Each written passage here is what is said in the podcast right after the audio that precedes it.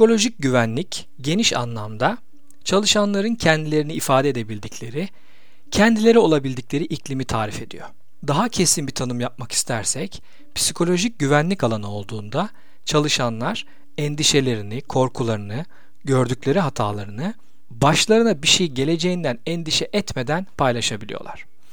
Psikolojik güvenliğin olduğu organizasyonlarda çalışanlar utandırılmayacaklarına, yok sayılmayacaklarına ve suçlanmayacaklarına emindirler. Çalışanlar çalışma arkadaşlarına saygı duyarlar ve güvenirler. Yüksek psikolojik güvenlik olan organizasyonlarda 1. Hatalar süratle ortaya çıkar ve raporlanır, fark edilir, düzeltici eylemler süratle yapılabilir. 2. Bölümler ve gruplar arasında daha rahat ve akıcı bir işbirliği mümkün olur. 3. Yenilikçi ve değer katan fikirler daha rahat paylaşılabilir ve hayata geçirilebilir. Bunun tersini de korku kültürü olarak tanımlayabiliriz. Bu kültürde peki neler oluyor?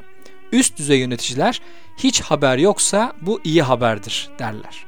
Sık sık çalışanları hedeflerine ulaşmaları için tehdit etme pratiği yaygındır. Çalışanlar kendi fikirlerini ifade etmekten kaçınırlar. Ya aman bir tatsızlık çıkmasın da bana ne benim işim değil cümleleri yaygın kültürü belirler. Olanaksız konan hedefler için etik olmayan yollar ortaya çıktığında buna karşı çıkacak kimseyi bulamazsınız. Kısa vadede işe yarar gibi görünse de uzun ve orta vadede felaket kaçınılmazdır. Bu bölümde korku kültürünün yaşatıldığı ve global ölçekte duyulmuş felaketlere bakmak ve bunlardan örnekler vermek istiyorum.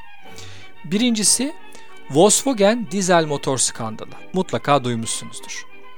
Amerika Birleşik Devletleri regülasyonlarına uyum gösterebilmek için Volkswagen araçlarının dizel motorlarının performans ölçümü süreçlerini hile ile değiştirebilecek bir yazılım olduğunun ortaya çıkması büyük bir skandal olarak tarihe geçti. Bu olayda CEO'nun istifası dışında çok sayıda üst düzey yöneticinin de işine son verildi. Ancak bu olay kişileri suçlayarak açıklanacak bir olay olmanın çok ötesindeydi. Sorumlu olup istifa eden CEO Martin Winterkort'un gelmekte olduğu kültür bir önceki CEO Ferdinand Piech'e dayanmaktaydı ve kendisi en iyi tasarımı elde etmenin ancak altınızdaki ekibi terörize ederek ve tehdit ederek başarılacağına ikna olmuş biriydi. Bob Lutz'un bir yazısında Peach'in yarattığı kültürün bu fiyaskonun temel kök sebeplerinden biri olduğu ifade ediliyor. Bu tür kültürlerde satış yapmak, regülasyonu aşmak gibi üst düzey koordinasyon veya teknik yenilik gerektiren durumlarda tehdit altında olan, işinden ve gelirinden olma baskısı altında kendini ifade edemeyen çalışanların bir yol bulma güdüsünün ortaya çıktığı, bu yolun çoğu kez etik olmadığı ve bu yaklaşımın fark edilmiş olmasına rağmen kültür içinde ifade edilemediğini görüyoruz. İkinci örneğim Wells Fargo çapraz satış skandalı. Wells Fargo Amerika Birleşik Devletleri'nde en yaygın banka olma ve küçük topluluklara hizmet etme avantajını daha da büyütmeye karar verdiğinde CEO'ları John Stumpf 2010 yıllık mektubunda bankanın çapraz satış kralı olduğunu yazmış. Sonrasında çalışanlara işten çıkarılma tehditleriyle imkansız hedeflerle çapraz satış hedefleri getirilmeye başlanmış. Tüm süreç 2016 Eylül'ünde bankanın regülasyon kurumu ile anlaşıp 185 milyon dolarlık cezayı ödemesiyle son bulmuş. Bu ardından tabi CEO'nun istifasını da getirmiş. Wells Fargo 2000'li yılların başında tüm çalışanlarına daha önce duyulmamış 8 yeni bankacılık ürününü tüm müşterilerine satmak üzerine yeni bir hedef düzeni getirmiş ve bunu üst düzey yöneticilerin primlerine yansıtacak şekilde tasarlamış. Şir sistemin içindeki tüm çalışanların sonuçları günde 4 defa raporlanıyormuş. Orta kademe yöneticiler ne şekilde olursa olsun satın mesajı veriyorlarmış sık sık. Bazı şubelerde o günkü hedefine ulaşamamış çalışanların evlerine dönmesine izin verilmediği oluyormuş.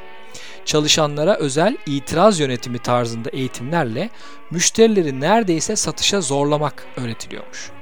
Hedefe varamayan çalışanlar işten atılıyor, hedefine ulaşamayan bölge müdürleri açıktan eleştirilerek kovuluyormuş. 2013'ten itibaren Wells Fargo çalışanlarının hileli işlemlere bulaştıklarına dair haberler görülmeye başlanmış. Los Angeles şubesinde bir çalışan müşterinin haberi olmadan hesap açıldığını ve şikayet gelmesi halinde IT sisteminin suçlandığını açıklamış. Ayrıca bazı ürünlerin ancak diğer başka bazı ürünlerle birlikte kullanılabileceğine dair yalanlar uydurulduğu raporlanmış. Online bankacılık için sahte e-postalarla müşteriler yaratılmış. Banka bir taraftan etik olunması ile ilgili iç eğitimler verirken içerideki kültür maaşımı alabilmem için hile dahil ne gerekiyorsa yaparım şekline dönüşmüş. Sonunda yapılan soruşturmada 2011-2016 arasında 2 milyon yeni izinsiz müşteri hesabı açıldığı tespit edilmiş. Burada da benzer şekilde itiraz edenlerin cezalandırıldığı, hedefine ulaşamayanların işten atıldığı ve hedeflerin ulaşılamaz olduğu bir kültür yaratıldığını ve bunun sonuçlarını görüyoruz. Üçüncü ve son örneğim Nokia ve Nokia'daki korku kültürü üzerine.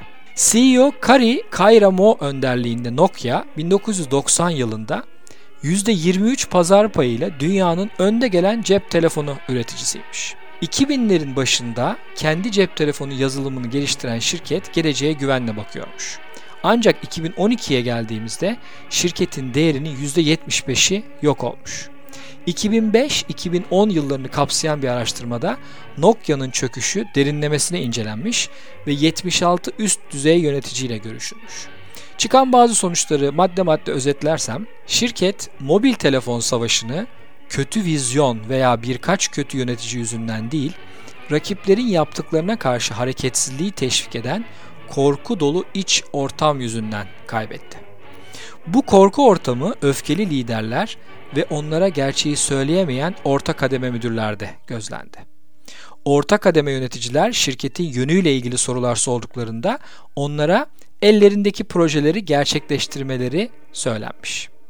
O dönemde CEO olan Oli Pekka Kallasvio'nun aşırı öfkeli olduğu, etrafına sürekli bağırdığı ve duymak istemediği şeyleri ona söylemenin çok zor olduğu raporlanmış. Araştırma geliştirme bölümünde genel duygu üst düzey üst düzey yöneticileri memnun etmek üzerineymiş. Onlara iyi haber vermek, gerçekleri ifade etmekten daha önemli hale gelmiş.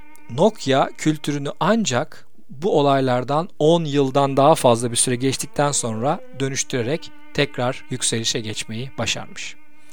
Peki bütün bunları dinlediğinizde, bütün bunlara baktığınız zaman şirketinizdeki kültüre bu açıdan bakıp neler görüyorsunuz?